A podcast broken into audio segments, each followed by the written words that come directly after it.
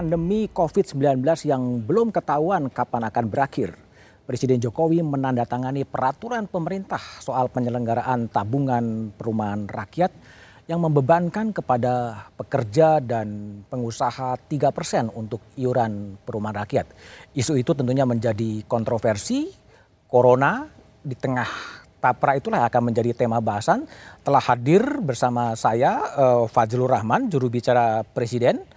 Lalu kemudian ada Bapak Adi Setianto, komisaris uh, komisioner Badan Pengelola Tabungan Perumahan Rakyat.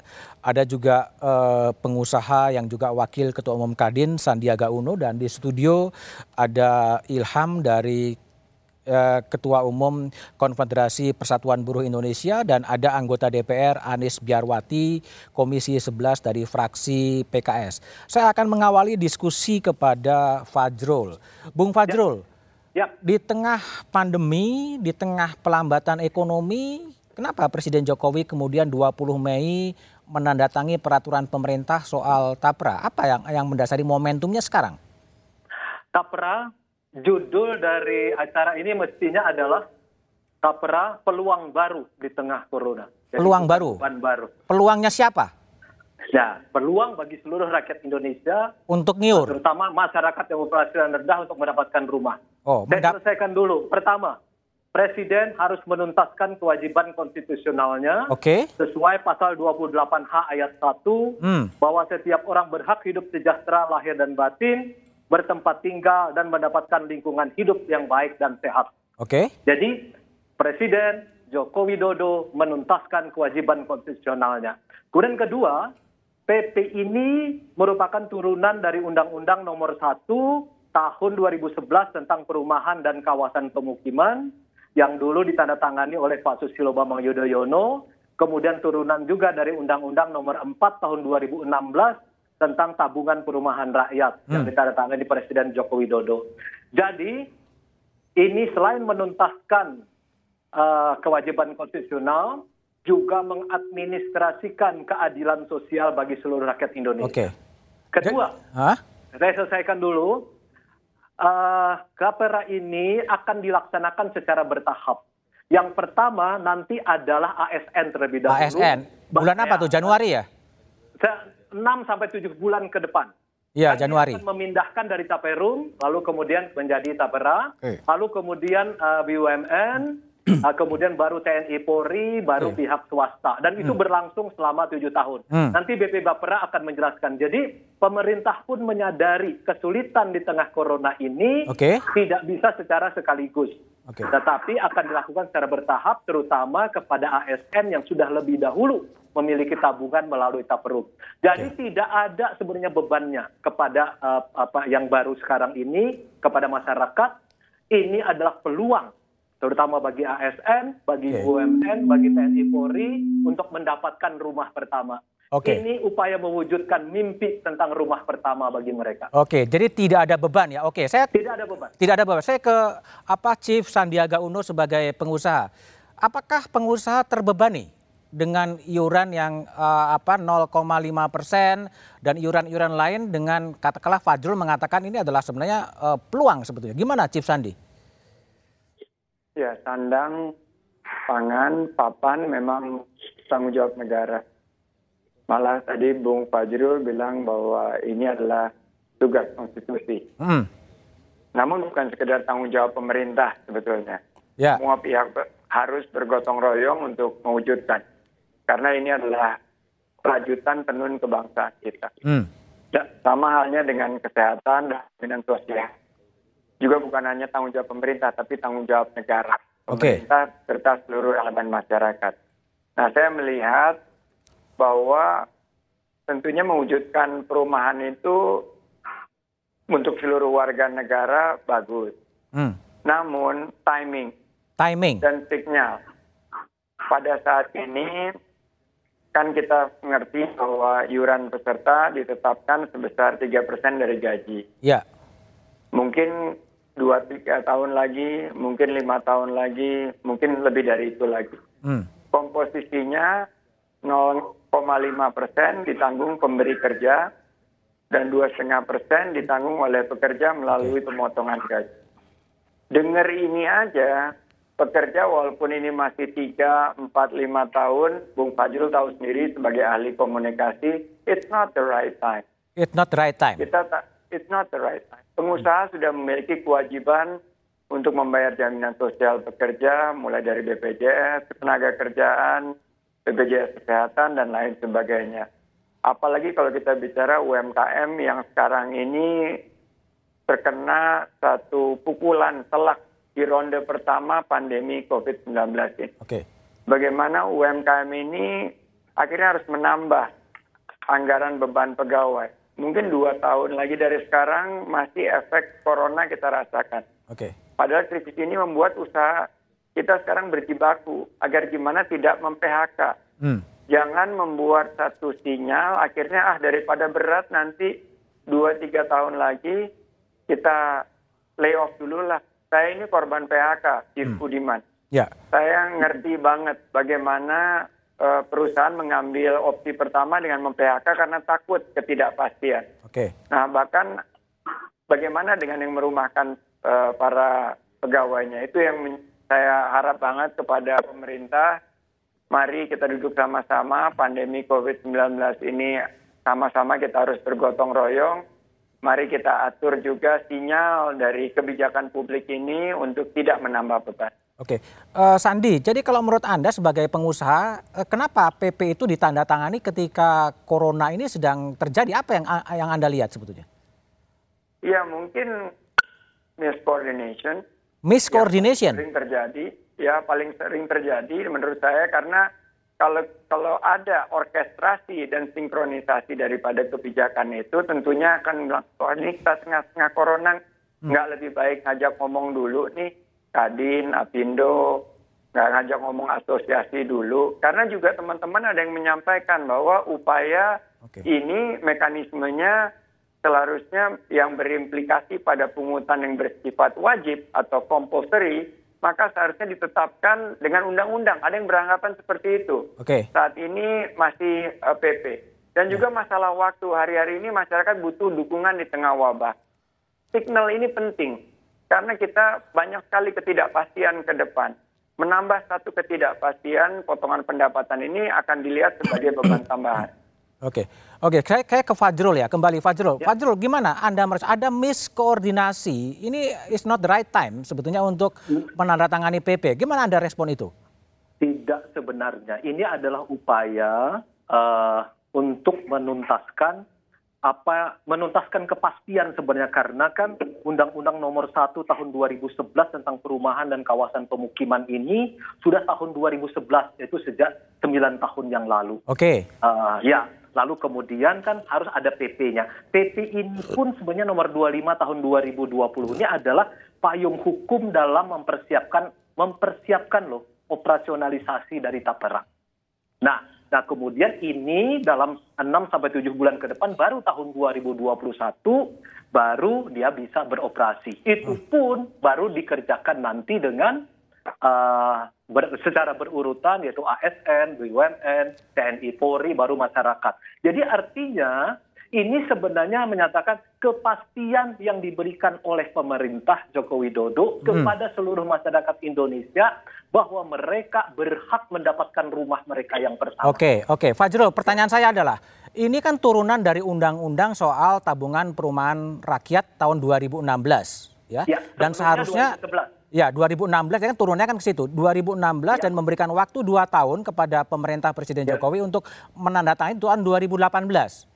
Seharusnya kan PP ini terbit tahun 2018. Ya, Dan sekarang baru terbit pada tahun 2020. Apa yang terjadi?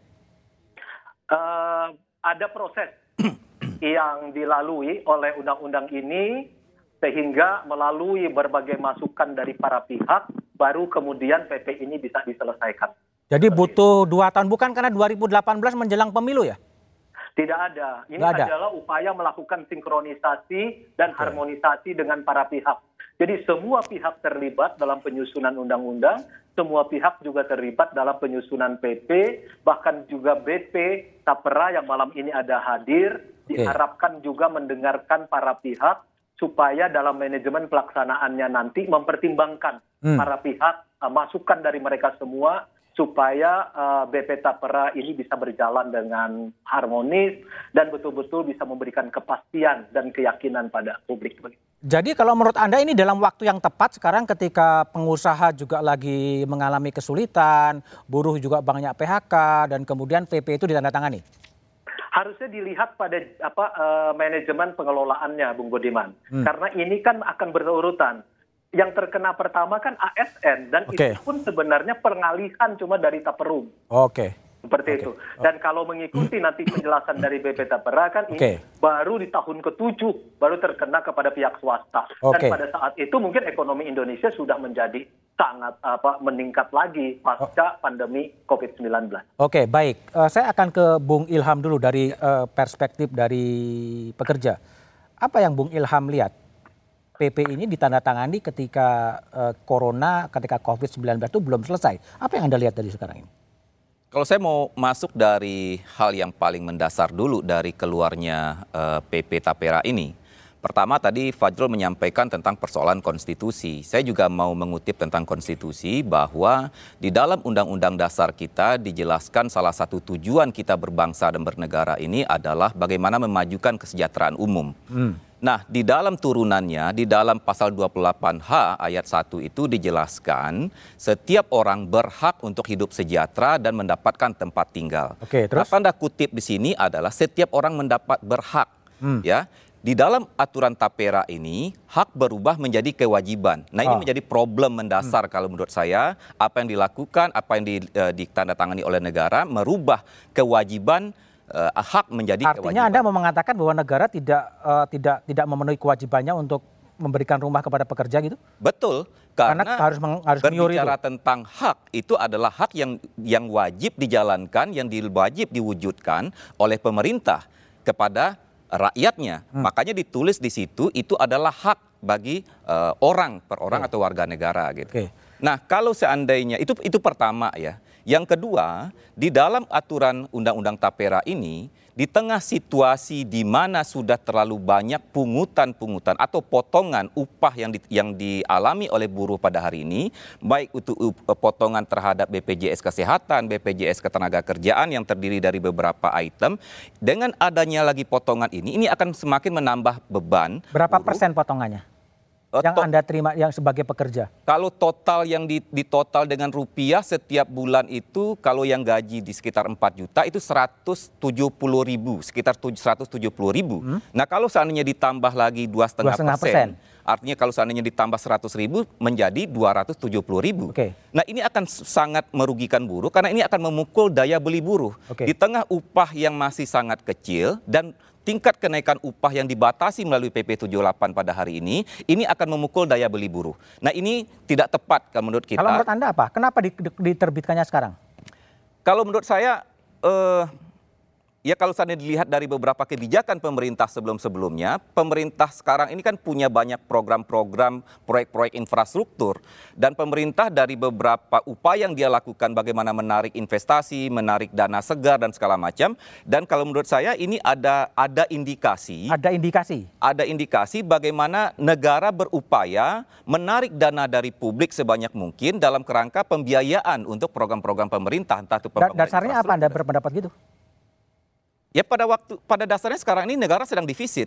Okay. Negara dalam situasi COVID sekarang ini kita uh, menjadi defisit yang jelas pendapatan negara akan jauh berkurang, baik itu pendapatan dari pajak, pendapatan dari berbagai macam uh, aspek yang ada dan salah satu cara untuk mendongkrak pendapatan agar dana punya negara punya dana ya dengan paling simpelnya menarik dana dari masyarakat. Oke, oke. Itu jalan yang paling singkat yang okay. paling bisa dilakukan. Baik, saya akan ke Pak Adi Setianto sebagai komisioner dari BP Tapra.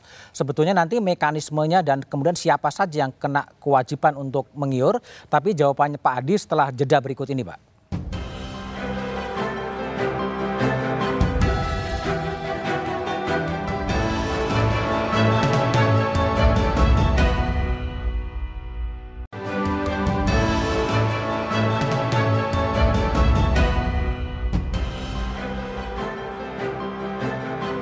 Masih bersama saya Budiman Tanurjo di satu meja The Forum. Saya ke, ke Komisioner BP Tapra Pak Adi Setianto. Pak Adi, Jadi ya. ini semua pekerja wajib untuk mengiur ke BP Tapra, Pak ya? Ya. Artinya mulai dari ASN, mulai dari TNI Polri, kemudian uh, pegawai BUMN, BUMD sampai kepada pekerja swasta begitu Pak? Ya, ini kaitannya begini Mas. Kenapa uh, kembali ke tadi yang Undang Nomor Satu, jadi dibentuklah uh, tabungan perumahan rakyat, turun ke Undang-Undang Nomor 4. Di Undang-Undang Nomor 4 dan PP uh, turunnya sebagai petunjuk pelaksanaan kami. Kami diamanatkan untuk membentuk badan yang kredibel. Itu kata ah. kuncinya. Karena ini terkait dengan trust, Mas. Okay. Nah, kebetulan uh, yang ASN ini sudah dikelola Bapak Tarum. Ya. Bapak Tarum begitu undang-undang keluar kan harus dilikuidasi, Mas. Hmm. Pindah kepada BP Tapera. Jadi di, kami dikasih uh, tugas untuk membangun badan yang kredibel. Okay. Karena kalau mengacu ke undang-undang ini, Mas, semua kan wajib, Mas. Wajib ya. Tapi tapi kan badannya dilihat nih, lu kredibel nggak? Karena okay. uh, nanti kan bertahap, Mas. Jadi setelah selesai dengan ASN, roadmap kami mungkin ke BUMN kemudian ke BUMD, BUMDes, TNI, Polri, sambil masyarakat menilai, eh BP Tapera ini kredibel nggak sih untuk mengelola? Karena ujungnya di Undang-Undang eh, Nomor eh, 4 itu eh, apa namanya bahwa semua tabungan yang perumahan berbasis tabungan itu akan dikelola oleh BP Tapera. Oke. Itu kira-kira. Jadi sem semuanya wajib, termasuk ya. pekerja asing, Pak ya? Yes, yang enam bulan ya pekerja di. Ya pekerja asing yang sudah visa enam bulan dia juga harus yes. harus Menang. membayar iuran dua setengah persen dan perusahaannya tabungan eh, dua setengah persen. Dia berhak dapat rumah juga pak? Oh enggak, nanti dia begitu kembali ke negaranya semua simpanan plus hasil pengembang pengembangannya kita kembalikan. Ya.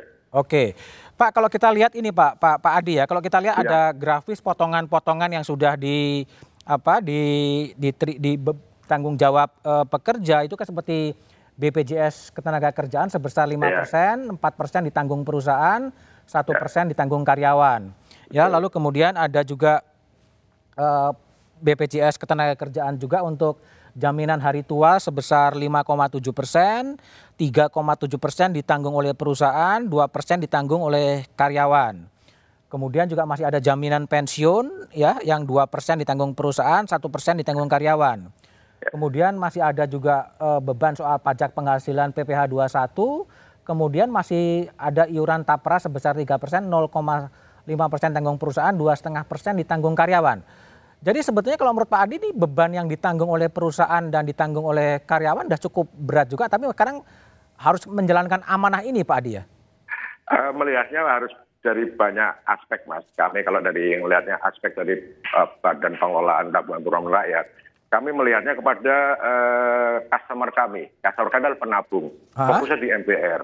Oke. Okay. Jadi value uh, yang harus kita deliver adalah mereka tersedia akses untuk pembiayaan hmm. bila mereka punya memiliki rumah dengan suku bunga terjangkau, Mas. Oke. Okay. Itu kira-kira iya. Jadi artinya ada jaminan bahwa orang yang mengiurnya akan dapat rumah? Iya. Melalui pembiayaan kita sediakan, disalurkan melalui bank. Disalurkan melalui bank. Lalu bagaimana dengan MBR ya, Mas? Oke, bagaimana dengan orang-orang yang sudah punya rumah, Pak? Nah, kalau sudah punya rumah, kalau kriteria MBR kan ada tiga fasilitas, Mas. Kepemilikan rumah, renovasi, sama membangun rumah di atas tanah milik sendiri, Mas. Tetap mereka dapat. Tetap akan dapat. Ya, dan ini kan bersifat, bersifat individu ya. Hah? Suami istri pekerja, haknya nggak hilang, Mas. Misalkan yang laki, eh, suami bangun rumah, istrinya ya renovasi. Nggak boleh dua-duanya rumah, itu kira-kira, Mas. Oke. Dan ini gotong royong ya. Jadi Pak Adi nanti mulai Januari ASN yeah. itu yang jumlahnya 4,3 juta yeah. sudah yeah. mulai uh, menabung dua setengah persen dari gaji gitu ya Pak ya? Uh, jadi gini, uh, pada saat mereka menjadi peserta uh, Bapak Tarum uh, dipindahkan kepada BP Tapera, huh? mereka otomatis sudah dianggap eligible untuk memiliki uh, apa pembiayaan manfaat. Hmm? Catatan kami ada sekitar 900 ribu dari ASN, Mas yang harus kami layani agar mereka bisa memiliki rumah pertama mereka. Oke. Okay. Nah, fokus itu kan ada waktu buat kami persiapkan badannya kredibel, kemudian kami fokus melayani mereka. Makanya ada roadmap, Mas. Ya, gini, gini Pak Adi, apakah ya. memang ada dengan dengan apa dengan menabung dua setengah persen dari gaji ya. Ya, selama ya. kemudian 12 bulan kepesertaan, ya. apakah kemudian ya. ada jaminan mereka itu akan mendapatkan rumah ketika pergerakan harga rumah juga begitu eksponensial ya. dibandingkan pergerakan gaji. Kan gotong royong, Mas. Gotong royong itu gimana, Pak? Ya, yang mampu tetap wajib nabung, Mas. Kalau di kajian akademis itu namanya penabung mulia. Oh, penabung nah, mulia. Okay. Ya, mereka tuh nabung. Misal kalau gajinya di atas 8 juta, atau kalau 15 juta, dipotongnya juga maksimal uh, kalau lihat apa benchmarknya sekitar 8 juta. Ya, itu kan mereka tidak eligible hmm. untuk memiliki mendapatkan manfaat. Nah, kepada uangnya mereka yang kita kelola itu kita pakai untuk memberikan pembiayaan kepada mereka. Makanya ini tujuan adalah dana jangka panjang berkelanjutan dengan hubungan terjangkau. Lewat apa? Gotong royong. Kalau bisa dibilang eh, kayak subsidi silang lah. Kalau BPJS Kesehatan kan gitu, Mas yang mampu membantu yang kurang mampu. Bedanya kalau di sana ada premi hilang, kalau di sini dana kembali, Mas. Oke. Dalam bentuk tabungan plus pengembangan itu kira-kira, Mas. Gini, Pak Adi, kalau tadi kan mengikuti penjelasan dari Pak uh, Fadrul bahwa inilah. Iya. uh, negara melak, me, apa, menjalankan tugas konstitusionalnya untuk memberikan yeah. rumah kepada rakyatnya.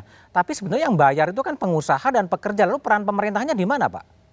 Oh gini, kalau lihat backlog ya kita balik, kita lakukan segmentasi, Mas kalau yang UMR gaji 4 juta ke atas itu dikelola melalui tabungan gotong royong. Karena jelas diamanatkan di Undang Nomor 1 ya kan bahwa nanti harus dibentuk badan uh, pengelola tabungan. Oke. Nah, bagi yang negara hadir nanti yang di bawah 4 juta, Mas. Yang bawah itu punya program dikelola oleh Kementerian Popet. Programnya banyak sekali, Mas. Oh, oke, okay, nah, oke. Okay. Jadi ya. yang 4 juta itu yang ditanggung oleh negara gitu ya? Kok di bawah 4 juta, Mas. Di bawah 4 juta Lewat ya. program-program selama ini dikelola Kementerian Pupr itu sudah berjalan, Mas. Oke, baik, baik. Baik, saya ke Ibu Anis Biarwati, anggota DPR dari Komisi 11 uh, DPR. Bu Anis, kalau uh, Ibu sebagai uh, yang mewakili rakyat, bagaimana Anda Ibu melihat soal uh, PP Tapra dengan uh, iuran tabungan 3% dibagi oleh dibagi kepada pekerja dan pengusaha? Uh, iya, tadi saya juga mendengarkan uh, Mas Andi ya yang uh, memaparkan dari sisi pengusaha, kemudian dari Mas Ilham tadi, uh, kemudian penjelasan dari Pak Adi tadi ya. Uh, saya memahami bahwa uh, tadi Pak Fajrul, mohon maaf belum disebut ya.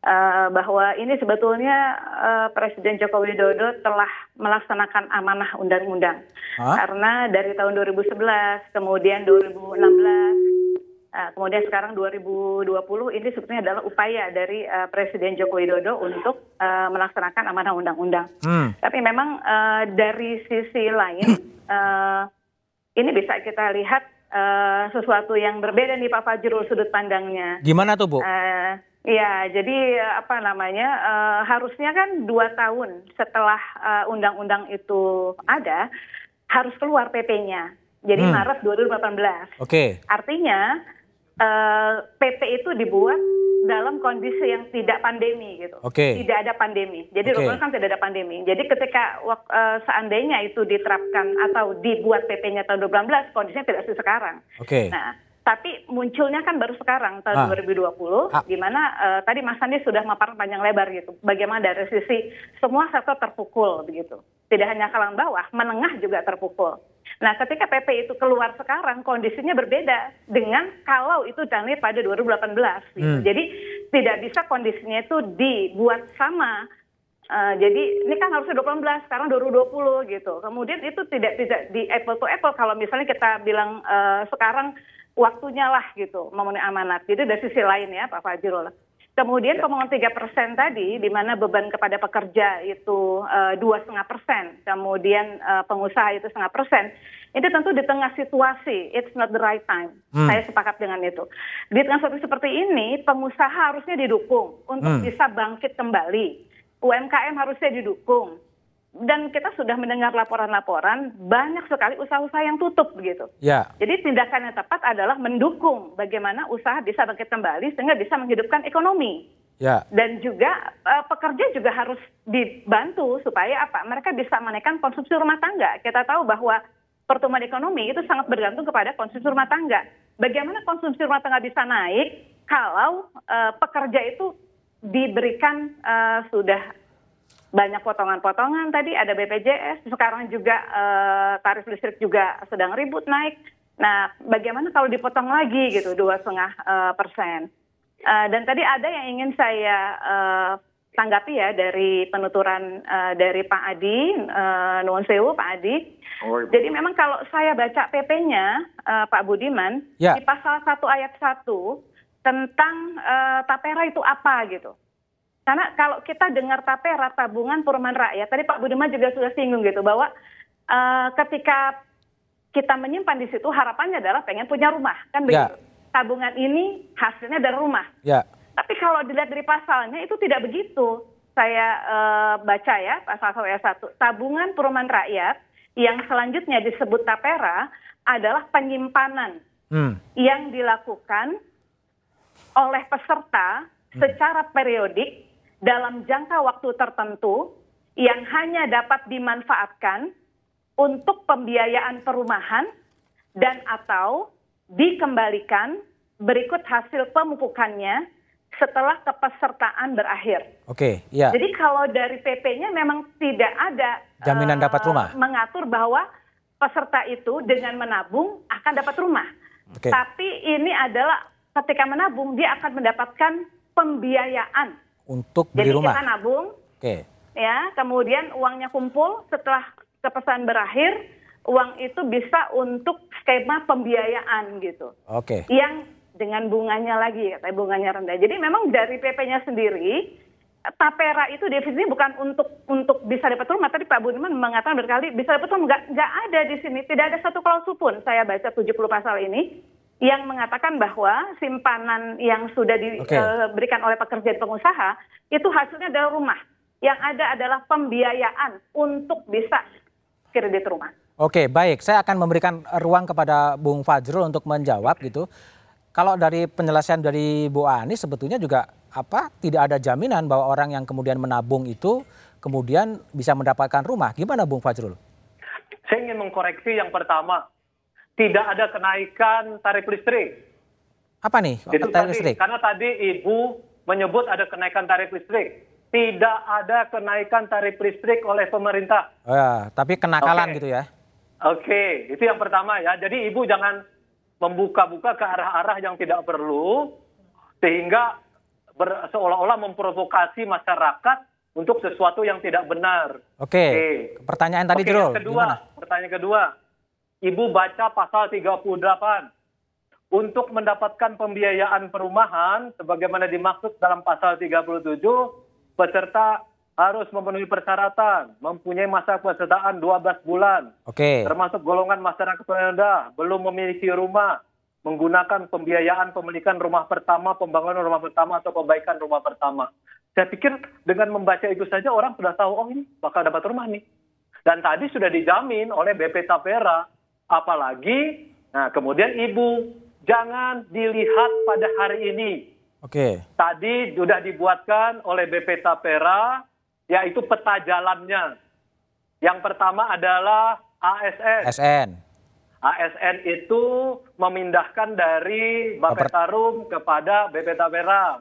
Baru kemudian berkelanjutan sampai kepada swasta tujuh tahun. Insya Allah COVID ini mudah-mudahan bisa berakhir tahun depan 2021 atau lebih cepat lagi sehingga tidak sama sekali mengganggu kehidupan ekonomi pengusaha. Oke. Okay. Karena yang pertama yang akan dikenakan adalah ASN, Ibu. Okay. Jadi jadi Bung Fajrul, jadi kalau ikut tapra dijamin akan dapat pembiayaan rumah ya. gitu, Jrul? Ya, di dalam PP dinyatakan begitu. Di, di dalam PP. PP Tapera yang akan menjelaskan lebih jauh. Oke, baik. Saya ke Bung Sandi dulu. Bung Sandi, uh, kalau sebagai pengusaha sekarang ya, tadi eh, beban pengusaha potongannya berapa? 17 persen ya? Di antara BPJS dan lain sebagainya sekarang untuk urusan seperti itu gimana Anda menyikapi soal tambahan beban 0,5 persen di era eh, pandemi seperti sekarang ini? Gimana Anda sikapnya? Ya, kepedulian pemerintah tentu bagus. Saya juga pernah di pemerintahan, saya semuanya niatnya bagus. Hmm? Alhamdulillah. Uh, tapi kadang-kadang kita melihat bahwa konteksnya ini apa? Ini kita lagi pandemi yang unprecedented. Huh? Pada saat sekarang ini kebijakan yang dilahirkan harus berempati. Oke. Okay. Ini semua udah berteriak-teriak. Usaha mikro, kecil, menengah nggak punya likuiditas. Masyarakat kehilangan pekerjaan. Kita harus dengar suara warga masyarakat yang terdampak. Hmm. Masyarakat sekarang harus jadi subjek juga karena ini kan kita melawan pandemi bersama-sama. Oke. Okay. Kita jangan jadikan uh, pengusaha maupun UMKM yang sekarang sulit sulit mendapatkan lapangan pekerjaan dan biaya hidup ya, Bung Fajrul. Hmm. Please empathize, please empathize.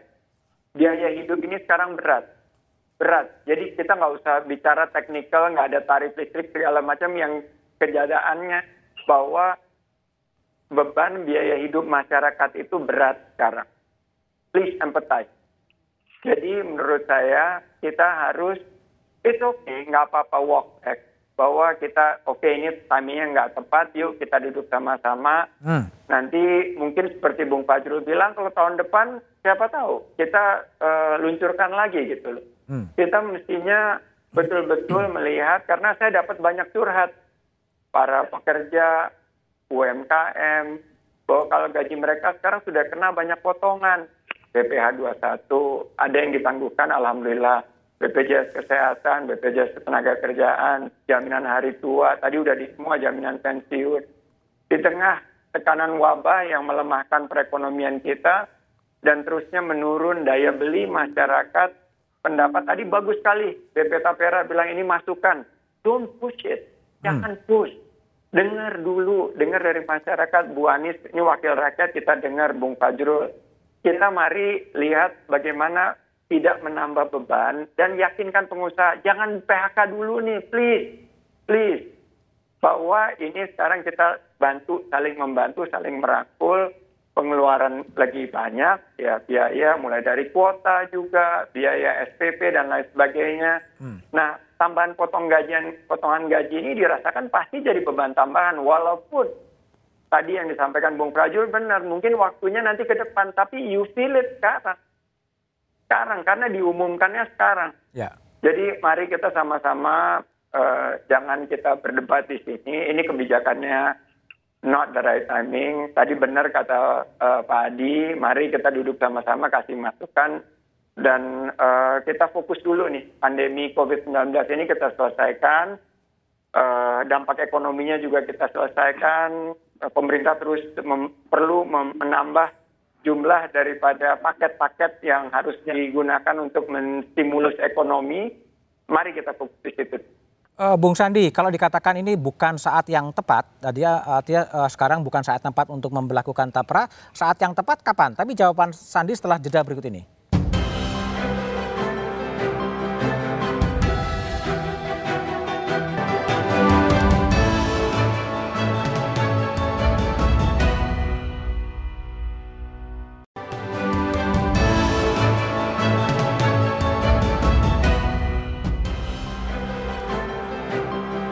Masih bersama saya Budiman Tanujo di satu meja The Forum. Saya kembali ke pengusaha Sandiaga Uno. Uh, Bung Sandi, jadi tadi mengatakan ini bukan saat yang tepat.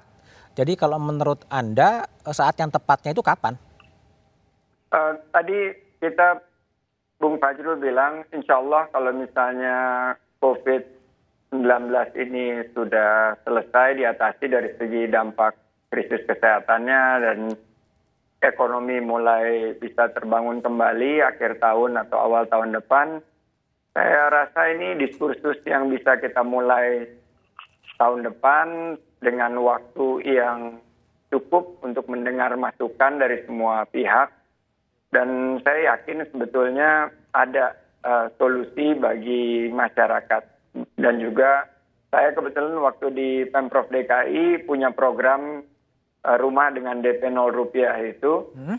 kita juga yakin bahwa kalau kita melibatkan semua pihak, dana yang sudah dihimpun selama ini, apalagi beliau dikelola dengan baik juga, dengan efisien, dengan mendapatkan return yang di atas return yang uh, biasanya hanya didapat secara pengelolaan pasif, saya yakin alokasinya ini bisa menjadi sumber pembiayaan perumahan rakyat.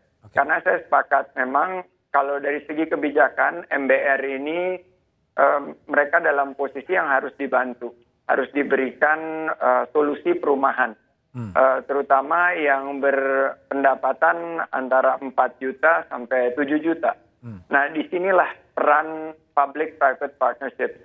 Menurut saya kemitraan antara pemerintah, badan usaha, dan juga masyarakat bisa kita hadirkan okay. untuk uh, menggerakkan. Dan pada saat tahun depan ini juga tepat, karena kita baru saja, insya Allah timingnya tepat, kita akan tidak terkena gelombang kedua atau gelombang ketiga dari pandemi ini, insya Allah kita bisa mulai mendorong kegiatan kegiatan-kegiatan ekonomi yang padat karya.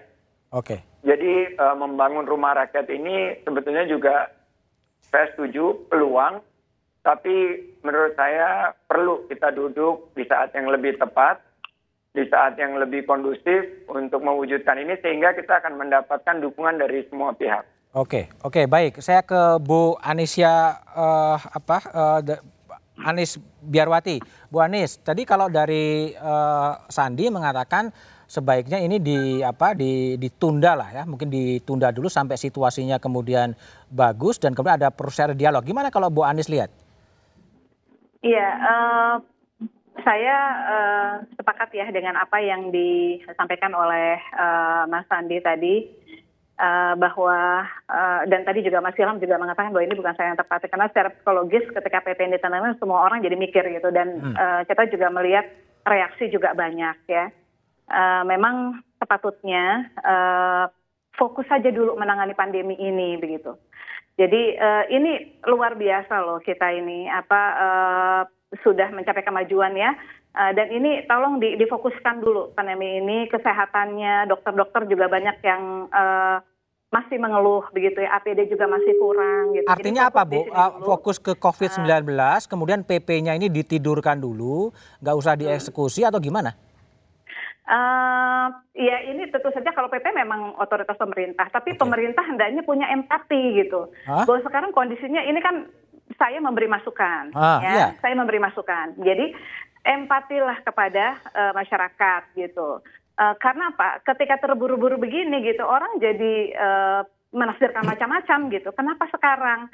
Ini persoalan COVID belum selesai okay. dan membutuhkan energi yang full dari pemerintah begitu. Tapi kan ya. sudah terlanjur ditandatangani ya, sudah ditandatangani. Sekarang yang ya. ibu maksud berempati kepada masyarakat itu harus pemerintah harus gimana? Meninjau kembali PP-nya. Meninjau kembali. Ya, Artinya, kembali. Kemudian dengarkan dari masukan-masukan dan saya pikir juga uh, kalangan uh, pekerja, kalangan pengusaha itu patut didengarkan gitu ya. Okay. Uh, eh, walaupun memang nanti penerapannya baru 2020 itu ASN begitu. Okay. Ya ASN ya, juga bagian dari rakyat gitu. Jadi saya, saya pikir uh, apa memang berat untuk pemerintah. Saya memahami bahwa uh, adanya kebutuhan rumah itu menjadi sesuatu yang primer begitu ya. Okay. Memahami sekali dan memahami juga bahwa kita harus mengusahakan bersama-sama. Dan ini memang tanggung jawab negara sesuai dengan amanat undang-undang gitu. Tapi saatnya begitu, saatnya. Jadi ketika diumumkannya sekarang gitu, diumumkannya sekarang ini akan akan menimbulkan beban baru bagi beban baru ya. Oke, baik, ya. Bung Ilham sebagai ya. uh, pekerja yang bakal terkena uh, potongan dua setengah persen. Ini ada saran dari Bung Sandi itu di apa di ditidurkan dulu. Dari Bu Anies mengatakan ditinjau. Kalau anda lihat? Iya betul. Uh, kita berharap skema penyediaan rumah bagi rakyat atau kepada pekerja ini ini dirubah. Jadi PP ini dirubah. Dirubah, oh, okay. dirubah total skemanya. Dirubah Saya misalnya contoh gitu ya. Kita membutuhkan sebuah perumahan bagi kaum pekerja atau bagi buruh yang terintegrasi dengan tempat kerjanya. Hmm? Bagaimana cara pengadaannya? Sebenarnya banyak cara sebenarnya. Pemerintah itu harusnya lebih kreatif. Pemerintah itu harusnya tidak cepat mengambil satu solusi yang pada akhirnya memberikan beban baru kepada uh, rakyat. Apa contohnya? Kami misalnya memberikan contoh solusi bagaimana pembangunan perumahan yang terintegrasi dengan kawasan industri. Okay. Jadi setiap kawasan industri, ya setiap kawasan industri diwajibkan untuk menyediakan atau mengalokasikan sekian persen lahannya untuk, untuk perumahan. pembangunan perumahan. Yang bangun? Sifatnya pakai perumahan vertikal pastinya. Okay. Nah, jadi pembebasan lahan sudah otomatis dilakukan oleh pengembang kawasan industri karena juga ada syarat kan bagi pengembang untuk menyediakan fasilitas umum dan fasilitas sosial. Oke. Lalu bagaimana misalnya untuk pembiayaannya? Kita tahu misalnya BPJS Ketenagakerjaan ada itu uang. mempunyai uang 400 triliun lebih. Hmm. Jadi dari hasil investasi dari dana 400 triliun lebih itu untuk tahun 2019 saja itu mencapai 29 triliun. Hmm. Nah kalau seandainya sebagian dari keuntungan dari investasi BPJS Ketenagakerjaan tadi itu dipakai untuk, untuk pembangunan rumah, perumahan, lebih real. Itu jauh, jauh lebih real. Lalu ditambah okay. lagi misalnya dari APBN. Nah apa dampaknya? Kalau seandainya perumahan itu bisa di, disediakan otomatis ini akan menekan pengeluaran okay. buruh yang hingga 25% sampai okay. 30% setiap bulannya. Okay. Dan itu akan memberikan langsung kesejahteraan bagi buruh secara dengan adanya per, fasilitas perumahan yang lebih murah seperti itu. Oke, okay, baik Bung Fajrul. Ini kan ada kira-kira ada ada pandangan bahwa pemerintah ini kurang kreatif gitu ya, kurang kreatif uh, menggunakan cara fundraising meminta uh, buruh dan apa uh, pengusaha untuk dap, uh, mengiur dan kemudian padahal ada dari Ilham mengatakan bisa saja menggunakan uh, jaminan hari tuanya BPJS untuk membangun rumah tanpa harus mendapatkan iuran. Gimana Anda merespon masukan-masukan uh, itu Fajrul? Ini tadi Ilham ya kita bisa sedikit mungkin mengelaborasi seolah-olah kalau pasal 28H mengatakan berhak gitu ya mendapatkan rumah pemukiman rumah dia pemukiman, setiap orang berhak lalu kemudian uh, pemerintah harus melaksanakan kewajiban itu seolah-olah harus 100 persen. Uh, padahal kan dengan keterbatasan APBN dan segala macam bisa menjadi uh, persoalan pada saat itu. Tapi juga bisa keliru cara interpretasinya. Misalnya kalau kita melihat pasal 28B, setiap orang berhak membentuk keluarga dan melanjutkan keturunan melalui perkawinan. Apa negara harus menyediakan uh, perempuan dan laki-laki untuk dikawini kan enggak. Itu kan hak untuk membentuk keluarga. Tidak harus lalu negara menyediakan misalnya seperti itu. Jadi maksud aku perdebatan mengenai hak dan kewajiban ini masih bisa di dipersoalkan sebenarnya. Tapi kan tadi Bung Fajrul mengatakan nih e, pemerintah menjalankan kewajiban konstitusionalnya untuk Betul, menyediakan pemukiman. Kewajiban konstitusional dengan mengatakan bahwa setiap orang berhak untuk hidup sejahtera dan bertempat tinggal, hmm. mendapat lingkungannya. Pemerintah mencari cara untuk menyelesaikan kewajiban ini dengan bergotong royong tadi. Oke. Okay. Dengan memadukan antara ada yang dari APBN, yaitu untuk mereka yang masyarakat berpenghasilan rendah, yang misalnya yang sekarang sudah dikerjakan hingga 31 Desember itu Kementerian PUPR itu sudah membangun 1,25 juta unit rumah. 945.161 unit itu untuk masyarakat berpenghasilan rendah. Oke. Dan itu negara hadir di sana. Udah dipakai semua, Bang Fajrul? Uh, itu yang sudah dikerjakan. Oh. Sudah uh, sudah ya, dikerjakan, dikerjakan ya? oleh Kementerian PUPR okay. yang 312 ribu itu untuk yang non MBR. Oke. Okay. Nah, jadi kan kita harus menyesuaikan antara apa yang bisa diberikan oleh negara, karena negara kan tidak hanya mengurus soal perumahan, sebagian besar banyak lagi kewajiban-kewajiban lain yang harus dikerjakan oleh pemerintah untuk menyelesaikan atau menuntaskan kewajiban konstitusional ini begitu. Oke, baik. Saya ke Pak Ad, Pak Adi Setianto, Pak Adi. Jadi eh, apa bisa dijelaskan nanti? Jadi mulai Januari akan apa pengalian dari Bapertarum itu akan berjalan dan kemudian akan melayani rumah ASN yang belum punya rumah gitu, Pak? Ah, terima kasih, Mas Budiman. Kalau kita bicara mengenai tapera, emang spektrumnya luas sekali. Ada beberapa hal yang tadi saya sempat eh, apa namanya catat. Bawa konteksnya ke pengelolaan tabungan perumahan rakyat. Tapi ada satu hal mudah-mudahan saya salah. Saya menangkap kesan seolah-olah pp ini terbit langsung jalan. Ya januari pak ya? Oh ya tapi itu pun nggak pakai roadmap karena swasta itu tujuh tahun, tujuh tahun. Tujuh tahun setelah nah, tadi menarik sekali Mas Andi ada istilah tidur. Hmm. ya, tertid, ya ditidurkan ya Nah, karena ada waktu tujuh tahun dan tugas kami dalam membangun BP Tapera menjadi badan kredibel, kami fokus di ASN dulu di mana yeah. kebetulan dulu dikelola melalui Bapak Taruh. Itu satu. Yang, yang kedua Nun Sewu, uh, Bu Anies Nun Sewu, memang kalau lihat dari PP pasal 1 itu memang kita nggak kewajiban menyediakan supply-nya. Kami dari sisi demand side. Jadi hmm. kami adalah badan mengelola tabungan, makanya kami masuk dalam kategori lembaga bukan bank. Dan kami disupervisi, diawasi oleh OJK. Okay. Jadi tugas kami adalah menghimpun dana murah jangka panjang berkesinambungan at low cost yang terjangkau. Kalau kita bandingkan dengan yang BPJS PK tadi sempat Mas eh, Ilham ya, ya, sebut itu mungkin bunganya agak sedikit mahal, Mas. Monggo dicek aja. Karena saya sebelumnya saya di BTN, itu kalau dari perbankan terkait dengan MLT itu mungkin realisasinya belum banyak karena ter, terbentur dengan suku bunganya yang nggak bisa di drag ke bawah. Pak Andi, mungkin bisa dijelaskan. Tadi yang Bapak bilang roadmap roadmap itu, jadi ya. Januari itu ya. bap, apa tap BP Tapra ini mau ngapain? Nah, tadi kan ada tertidur tujuh tahun swasta. Jadi okay. kan fokus di melayani ASN. Setelah itu kami bergerak mulai ke BUMN. Bentar, melayani ASN itu artinya apa? Membangun membangunkan rumah bagi ASN yang belum punya rumah atau gimana? Okay. Mohon maaf, bahasa saya barangkali. Jadi uh, migrasi dari pengelolaan Bapak Tarum ke BP Tapera. Okay. Jadi melayani itu dari si pengerahan, pemupukan, dan pemanfaatan. Okay. Pemupukan berarti uang yang sudah ditabung kami kelola untuk dikembangkan. Hmm? Pemanfaatan skim pembiayaan dalam bentuk KPR, renovasi, atau bangun rumah di atas tanah sendiri. Okay. Fokusnya pada MBR. Itu kira-kira seperti itu, Mas. Lalu gimana eh, Bapak akan memilih ASN mana yang akan dibangunkan rumah terlebih dahulu gitu? Kan kami ada database berasal dari uh, Bapak Tarum. Dan sudah kami cross-check dengan uh, BPK, uh, BKN. Apa? Jadi, sesuai sesuai dengan urutan atau gimana? Enggak, Mas. Justru dilihat dari, kita lihat dari segmentasi dulu. Yang MBR mana? Dari Emberman itu kelihatan ada sekitar yang belum punya rumah itu sekitar 800 ribu. Hmm. Nah di situ nanti bisa lihat dari usia, ketermendesakan, hmm. itu menjadi prioritas. Kira-kira seperti itu Mas. ASN akan kita, selesai berapa tahun Pak? Kalau eh, hitungan kita mungkin 2-3 tahun Mas, kita bisa layani itu. Ya. Oke. Okay. Dan tadi kembali ke yang swasta teman saya Mas. Pemerintah nggak ninggalin swasta loh Mas. Masih ada program FLPP.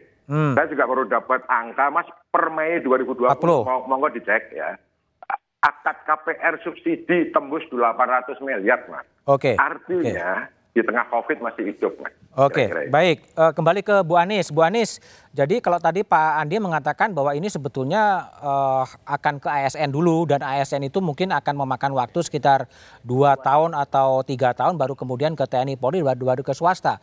Sehingga apakah memang tetap uh, Bu Anies melihat bahwa PP ini perlu ditinjau terlebih dahulu atau gimana Bu?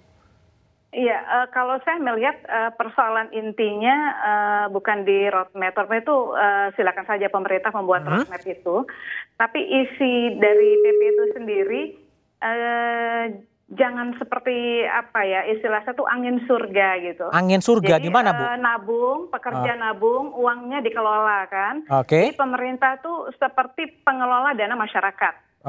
Tiga uh. persen dikelola oleh BP kan, BP okay. Kapera Pak Adi ya. Uh dikelola dalam jangka waktu itu kemudian kepesan berakhir kalau pekerja mandiri usia 58 tahun hmm. ya. Uh, nah itu baru setelah itu uangnya bisa dikembalikan dengan pemupukan atau uh, diberikan skema pembiayaan itu pun ada syaratnya skema pembiayaan. Jadi artinya um, mereka dapat skema pembiayaan setelah pensiun atau setelah usianya kalau pensiun 58 tahun gitu sudah tua gitu ya. Oh, jadi, jadi baru uh, baru pensiun baru dapat skema pembiayaan gitu?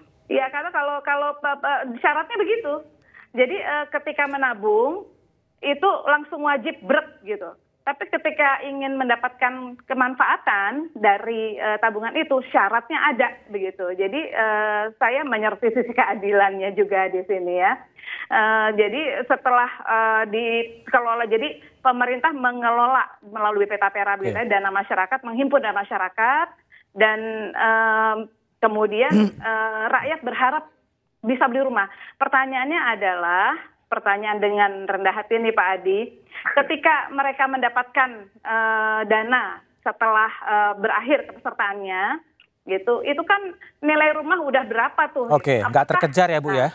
Apakah memang setelah mereka dapat mereka bisa gitu? Oke. Okay, dapat okay. dengan karena sekian puluh tahun harga rumah juga udah berapa, value of money-nya gitu. Jadi okay. uh, eh, apa saya sih tidak menentang begitu ya, karena kita wajib mendukung uh, rakyat punya rumah tetapi hendaknya keberpihakan kepada rakyat juga ditingkatkan. Dan memang uh, mendapatkan rumah sama ada banyak sekali pekerjaan mendapatkan rumah ini mesti kita pikirkan gitu. Jadi okay. um, apa roadmap itu silakan saja. Tapi uh, mohon keberpihakannya lebih jelas begitu. Oke, ya, baik, karena, baik. Uh, lebih jelas itu. Baik, Bu Anis uh, Biarwati, anggota DPR Komisi 11 dari fraksi PKS. Ter terima kasih telah bergabung di satu meja di forum.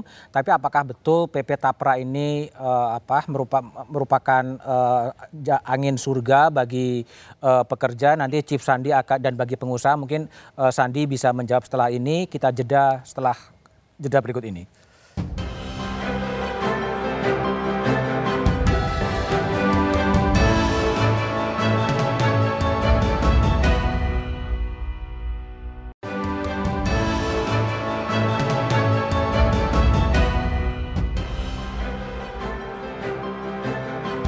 Masih bersama saya Budiman Tanurjo di satu meja di forum. Saya telah juga bergabung uh, Bima Yudhistira, ekonom dari Indef. Uh, selamat malam uh, Bima. Saya kembali kepada Sandiaga Uno sebagai pengusaha. Ini uh, gimana? Tadi ada tanggapan bahwa Tapra ini sebagai angin surga aja, artinya buruh juga uh, agak susah untuk mendapatkan rumah. Sebagai seorang pengusaha, kira-kira kalkulasinya mungkin nggak sih seorang buruh dengan Tapra yang dua setengah persen dapat rumah, Sandi? Saya husnuzon saja. Okay. Karena kalau pengusaha itu kita terbiasa hmm? untuk mendapatkan tanah yang harganya terjangkau, terus kita bisa uh, menggunakan sumber pembiayaan maupun juga skema pembiayaan yang kreatif. Saya yakin selama tidak ada kenaikan secara tidak logis dari tanah dan juga biaya konstruksi, mestinya kita bisa hadirkan eh, perumahan berkualitas untuk eh, para pekerja kita maupun juga masyarakat berpenghasilan rendah. Itu merupakan menurut saya tugas utama daripada pemerintah, dunia usaha, dan dalam sebuah kerjasama kolaborasi yang bersinergi. Saya yakin itu bisa dilakukan kemarin waktu di dki saya kebetulan yang mendapat tugas untuk menghitung di jakarta saja dengan yang jumlah lahan terbatas kita bisa lakukan pendekatan dengan uh, pembangunan yang vertikal dengan juga uh, pembagian beban daripada pembiayaan itu antara pemerintah dan dunia usaha. Saya yakin ini bisa. Jadi mudah-mudahan ini bisa tercapai, tapi sekali lagi pesan saya agar kita pikirkan baik-baik, timingnya kita lakukan pada saat yang tepat dengan struktur pengambilan kebijakan publiknya dan uh, kita yakin BP Tapera ini sebetulnya kan kalau di negara-negara yang sudah lebih berkembang ekonominya seperti Fannie Mae atau Freddie Mac itu ya. sudah biasa tapi juga ya. saya ingin nanti apalagi tadi Pak Adi udah ngomong mengenai pengelolaan di bawah OJK, ini betul-betul harus dikelola dengan baik karena di 2008-2009 krisis global itu dipicu oleh perumahan rakyat. Hmm. Ya, ya hati-hati sekali. Saya hmm. ingin mengingatkan supaya kita sama-sama memulai dengan niat yang bagus, eksekusi yang bagus, dan manfaat yang bisa diterima secara optimal oleh masyarakat. Apa yang harus diperhatikan oleh OJK, oleh pemerintah, termasuk oleh BP Tapra agar amanah dari rakyat ini bisa terkelola dengan baik, Sandi? Kuncinya governance. Governance. Kuncinya itu governance. adalah bagaimana tata kelola yang baik daripada Tapera. Mungkin Pak Adi nanti bisa share sama teman-teman. Pertama transparansi. Oke. Okay. Kedua accountabilitas. Hmm? Ketiga adalah responsibility, tanggung okay. jawab. Ini uang rakyat keempat adalah independen. Okay. Jangan bisa diintervensi investasi sini, investasi sana. Kita udah lihat lah. Kita nggak usah ngomongin yang lain-lain. Jiwasraya gitu ya maksudnya? Ibu Diman nakal sekali. Oh, uh, dan terakhir, terakhir fairness. Okay. Harus uh, kita harus ini berunsur keterbukaan dan berkeadilan. Hmm. Karena ini untuk masyarakat yang kita harus berpihak kepada masyarakat. Perlu ada keberpihakan. Dan saya yakin kalau kita semua niatnya baik dan eksekusinya baik, monitoringnya juga baik, governance baik, ini akan jadi sumber pembiayaan yang luar biasa untuk menggerakkan penciptaan lapangan pekerjaan dan menurunkan ya. biaya perumahan. Okay. Sehingga akan dapat uh, double impact, yaitu uh, satu kenaikan aset yang dirasakan oleh masyarakat berpenghasilan rendah, dan juga pengurangnya uh, biaya perumahan buat mereka. Oke, baik, baik, Chief Sandi. Saya ke Bima Yudhistira. Bima, apakah Tapra ini memang solusi atas jawaban bahwa banyak sekali ASN dan pekerja yang uh, belum memiliki rumah, Bim? Ya, belum bisa dibikin sebagai solusi karena masalah awalnya itu kan antara kenaikan upah dibandingkan dengan kenaikan harga properti itu tidak imbang. Jadi kenaikan harga upah itu kan per tahunnya cuma 8 persen, tapi kenaikan harga properti bisa ada yang 20 persen. Hmm. Dan tadi Jakarta saya kira tidak bisa dijadikan contoh karena sebagian misalkan menggunakan uh, lahannya milik Pemda. Tapi kalau kita bicara tapera ini levelnya adalah nasional ya, maka ini akan jadi problem baru gitu. Jadi nggak akan ngejar antara kenaikan upah pekerja kemudian dengan harga properti yang semakin meningkat apalagi ini kan uh, backlog perumahan, kekurangan perumahan jumlahnya juga masih besar ya, masih 7 juta eh, unit lebih begitu. Jadi ini bukan solusi sih, tapi justru di saat kondisi pandemi sekarang, ini justru saya melihat uh, bukan urgensi untuk kepemilikan rumah. Karena sekarang ini bagaimana survival untuk bertahan hidup dulu. Jadi okay. mulai dari kesehatan, kemudian makanan, itu dua kebutuhan pokok yang lebih penting daripada perumahan bahkan sampai tujuh tahun ke depan. Jadi apa yang terjadi Bima kalau memang itu di, di era pandemi tiba-tiba uh, ditandatanganilah PP ini kalau menurut Anda apa yang sebenarnya di, yang diuntungkan dengan lahirnya PP ini? Ya kalau kita baca PP-nya secara lebih detail di situ kan ada pasal yang jelas bahwa uang ini nanti akan dikelola memang oleh manajer investasi. Okay. Tapi di situ ada penempatan salah satu opsinya adalah penempatan di surat uh, berharga negara gitu okay. SBN. Sehingga ini ada keuntungan yang akan dinikmati oleh pemerintah. Jadi semacam pool dana dari pekerja dan pengusaha, 3% itu, nanti kemudian masuk ke dalam manajer investasi, dimasukkan lagi kemudian untuk menambal defisit APBN. Jadi ini yang yang kemudian skema yang jelas seperti BPJS uh, eh, tenaga kerja. Makanya ini kan jadi bingung juga, sudah dipotong iuran BPJS tenaga kerja, kemudian pekerja yang sudah punya rumah juga tetap dipotong uh, tapera. Jadi kayak double-double ini motifnya ke mana? Motifnya sepertinya untuk menambal defisit APBN. Jadi motifnya menurut Anda adalah memang mencari apa cash money untuk menutup APBN dan pembiayaan-pembiayaan yang lain gitu? Ya jelas ya. Uh, sekarang gini kan swasta diberikan kelonggaran sampai tujuh tahun. Ya. Tetapi untuk ASN kan bisa berlaku dalam tempo yang lebih cepat. Hmm? Sementara kan ASN itu kan sekarang juga terkena dampak dari pandemi tunjangan-tunjangan banyak yang kemudian berkurang. Nah ini masih dikenakan tapera lagi gitu. Jadi ini pool dana dari ASN dalam jangka pendek dan jangka panjang untuk uh, swasta di pool dananya dimasukkan ke dalam uh, instrumen tapera untuk uh, dibelikan surat utang pemerintah salah satunya. Oke, gitu gitu Bung Fajrul betul bahwa ini adalah uh, apa untuk menambal uh, APBN yang defisit gitu dengan menggunakan instrumen tapra ini, Jrul? Tidak ada sebenarnya uh, niatan pemerintah dan seperti yang dikatakan oleh Bung Bima tadi bahwa pengelolaan BP Tapera bagaimana nanti dana yang dikelola itu akan di apa itu digandakan. Di SBN itu ya dengan berbagai cara tapi itu kan dalam upaya untuk memenuhi tujuan uh, agar dapat terkumpul uang yang memang diperlukan untuk keperluan masyarakat yang apa termasuk ASN tadi atau masyarakat yang berpenghasilan rendah untuk menghasilkan atau untuk memiliki perumahan. Jadi tidak tapi, ada uh, tapi begini uh, uh, Pak Fadil, uh, saya pikir nanti mungkin bisa dijawab saya, secara langsung oleh Pak ya, apa ini Adi. Uh, enggak. Bagaimana nanti ini kan penggunaan dana tersebut apakah betul seperti yang diduga okay. oleh saudara Bima begitu. Oke, okay, silakan Bim. Gimana Bim tanggapannya? Ya, jadi kan ini kan, jadi sederhananya kan ini harusnya kan berlakunya dua tahun, yaitu 2018. Yang jadi pertanyaan kenapa pada waktu pandemi di 2020 gitu? Okay. Kenapa bukan dua tahun sebelumnya atau kalau mau ditunda harusnya kan ditunda setelah pandeminya lewat begitu. Hmm. Jadi yang jadi pertanyaan kenapa 2020 gitu? Ini kan pasti ada ada motif uh, keuangan tertentu kan pemerintah yang bikin PP-nya. Ya ada proses BIM di dalam pembuatan undang-undang, perundang-undangan di Indonesia dari undang-undang dasar ke undang-undang yang sudah ada sejak tahun 2011 itu jadi memang sudah tertinggal hampir 9 tahun. Oke. Okay.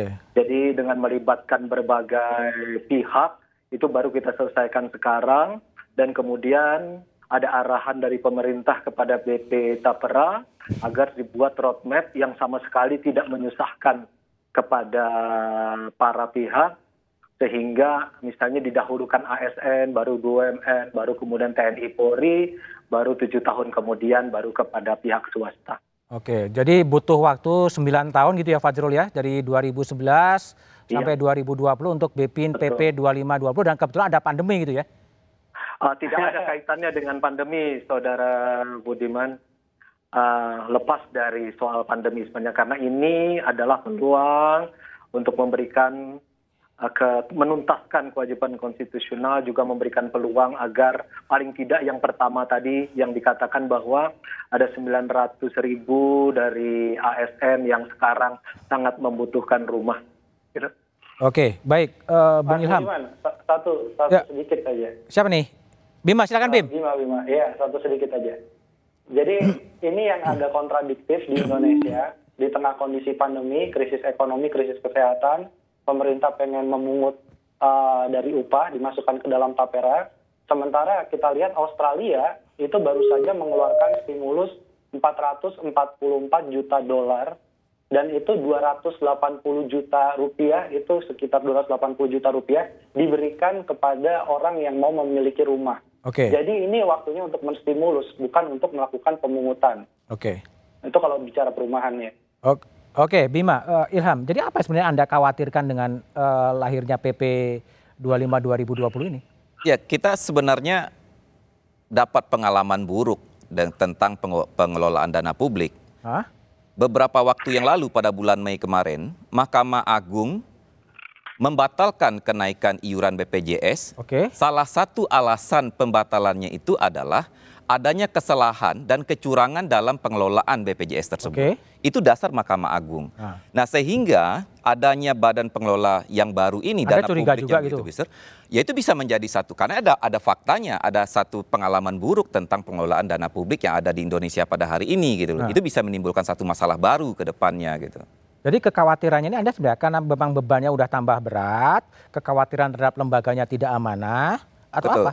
Iya, itu tiga alasan tadi yang saya bilang. Pertama, eh, hak warga negara untuk mendapatkan harusnya mendapatkan perumahan. Kedua, beban yang sudah besar ini tadi dan, dan upah yang yang sangat kecil pada hari ini. Ketiga, badan penyelenggaranya ini yang kita bisa pertanyakan karena pengalaman buruk dari pengelolaan BPJS yang ada pada hari ini. Gitu.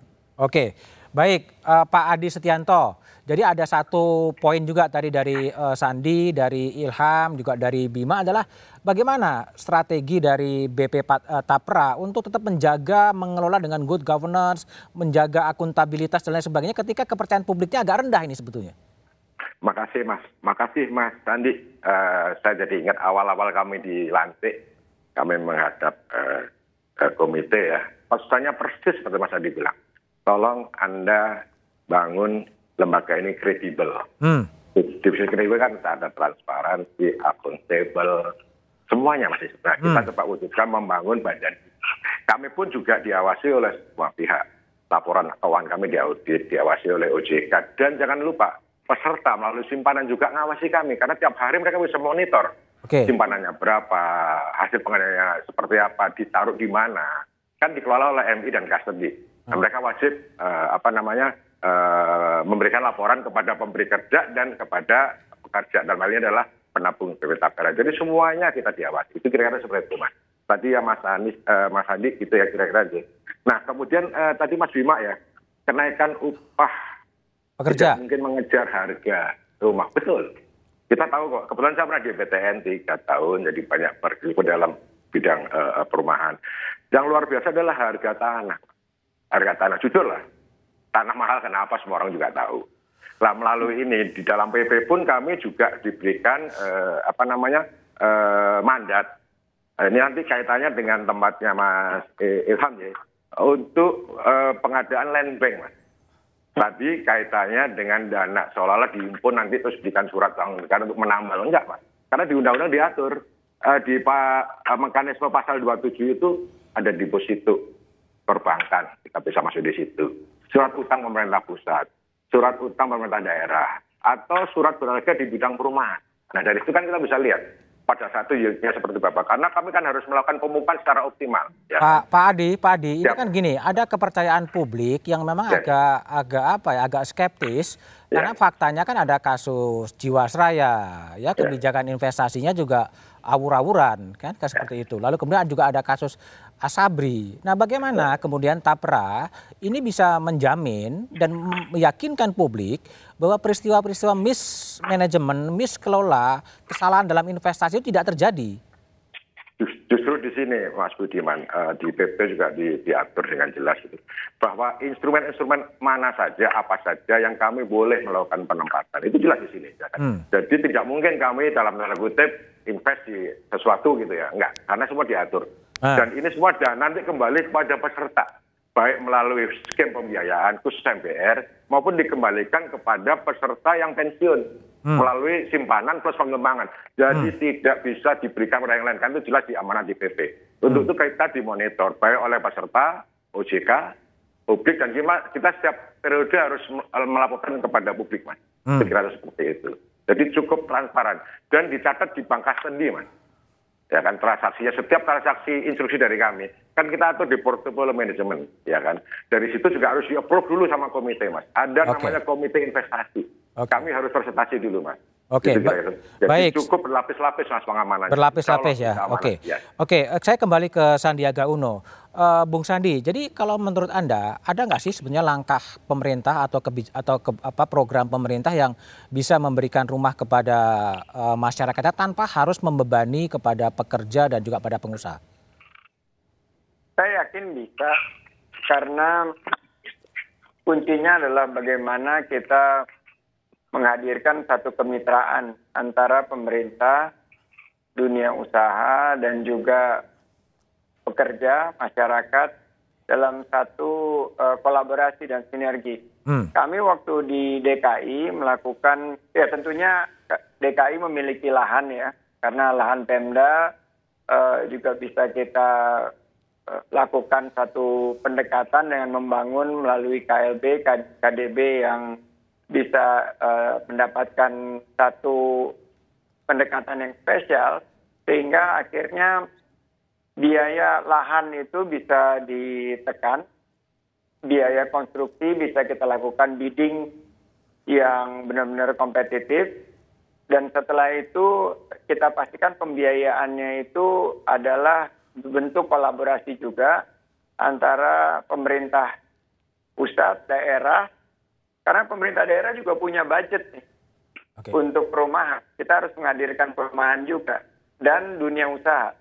Karena ternyata profit daripada bisnis konstruksi ini maupun profit uh, dari pengerjaan development yeah. atau perencanaan maupun pengembangan properti dan di uh, industrial estate ini ternyata bisa kita uh, monetisasi bukan hanya dari harga rumahnya, okay. tapi dari trafficnya, okay. dari uh, teknologinya juga, dari advertisingnya juga, maupun dari bagaimana kita berintegrasi dengan transit oriented development okay. (TOD).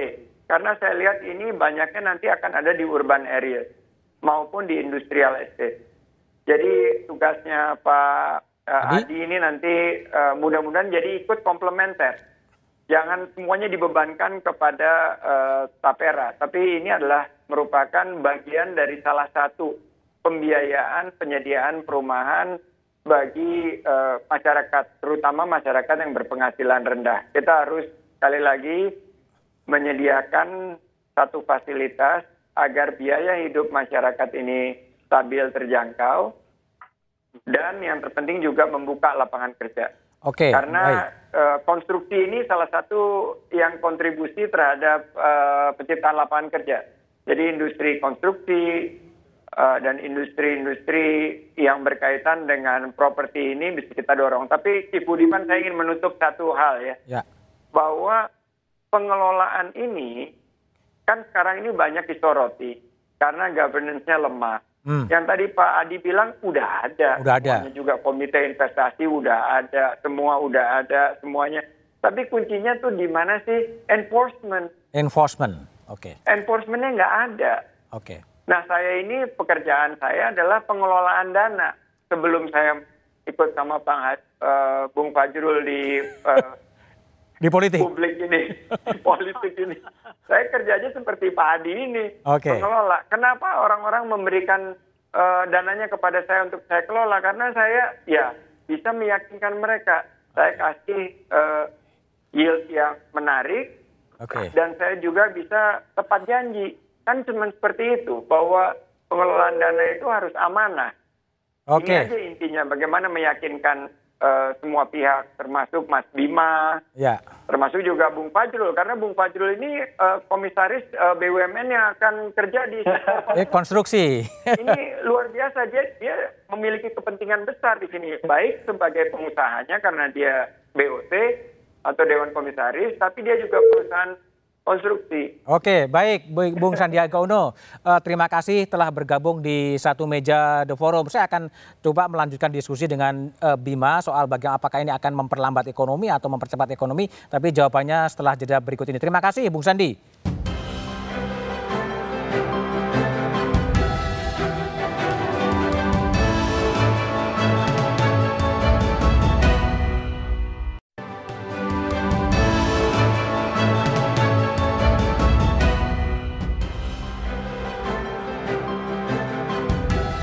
Masih bersama saya Budiman Tanujo di satu meja The Forum. Saya kembali ke Bima Yudhistira.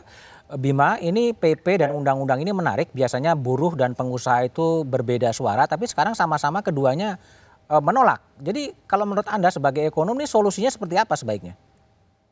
Iya, jadi begini. Pertama nih kalau terus dipaksakan tapera model seperti ini, ini khawatirnya nanti tingkat kepatuhannya akan rendah. Kenapa? Oh. Karena tadi ada masalah trust Hmm. Yang kedua, ngapain sih kondisi sedang krisis ya, bahkan pemulihan ekonominya kita belum tahu berapa lama ke depannya. Hmm. Ini yang membuat kemudian uh, kayak BPJS nantinya karyawan yang misalkan bilangnya 10 padahal secara real ada 20 karyawan, jadi understatement. Hmm. Tidak banyak yang melaporkan secara jujur, kan itu yang dikhawatirkan. Hmm. Jadi solusinya bagaimana? Kalau menurut saya sih solusinya tapera ini ya saya nggak paham hukum secara detailnya tapi tunda dulu lah tapera ini momentumnya belum tepat kemudian yang kedua adalah sebenarnya daripada membuat uh, tapera lebih baik pemerintah itu membuat badan pengawasan terkait dengan harga properti khususnya hmm. harga tanah okay. karena mau pakai land bank pun juga nggak bisa menyelesaikan masalah ini harga tanah sudah terlalu mahal karena digoreng oleh spekulan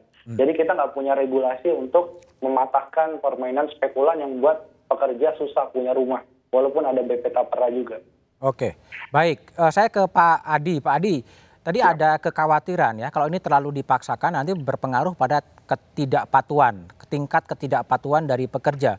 Apakah memungkin, memungkinkan kalau kemudian pekerja atau itu membandel tidak bayar, terus kenapa Pak?